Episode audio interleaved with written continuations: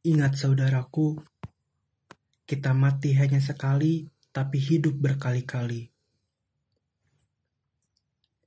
Allah telah memberikan kesempatan untuk berbuat baik bagi yang Ia kehendaki, menyempitkan kesadaran untuk berbuat baik bagi yang Ia kehendaki. Lalu manusia itu bergembira dengan waktu semu sia-sia yang ia peroleh. Padahal di dunia hanya sebagian kecil dibandingkan dengan kenikmatan akhirat.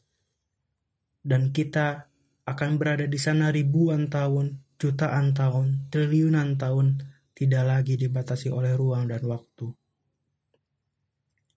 Penderitaankah atau kebahagiaan sebagaimana amal yang telah kita kerjakan?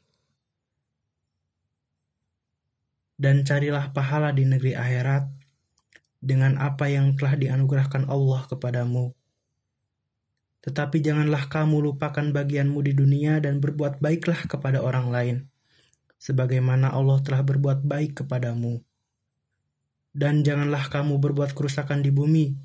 Sungguh Allah tidak menyukai orang yang berbuat kerusakan.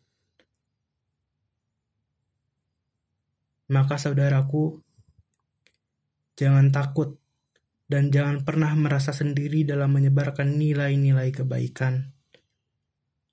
Kalau hari ini masih merasa sendiri, maka carilah orang-orang baik yang akan mendukung kebaikan-kebaikan yang kita sebarkan.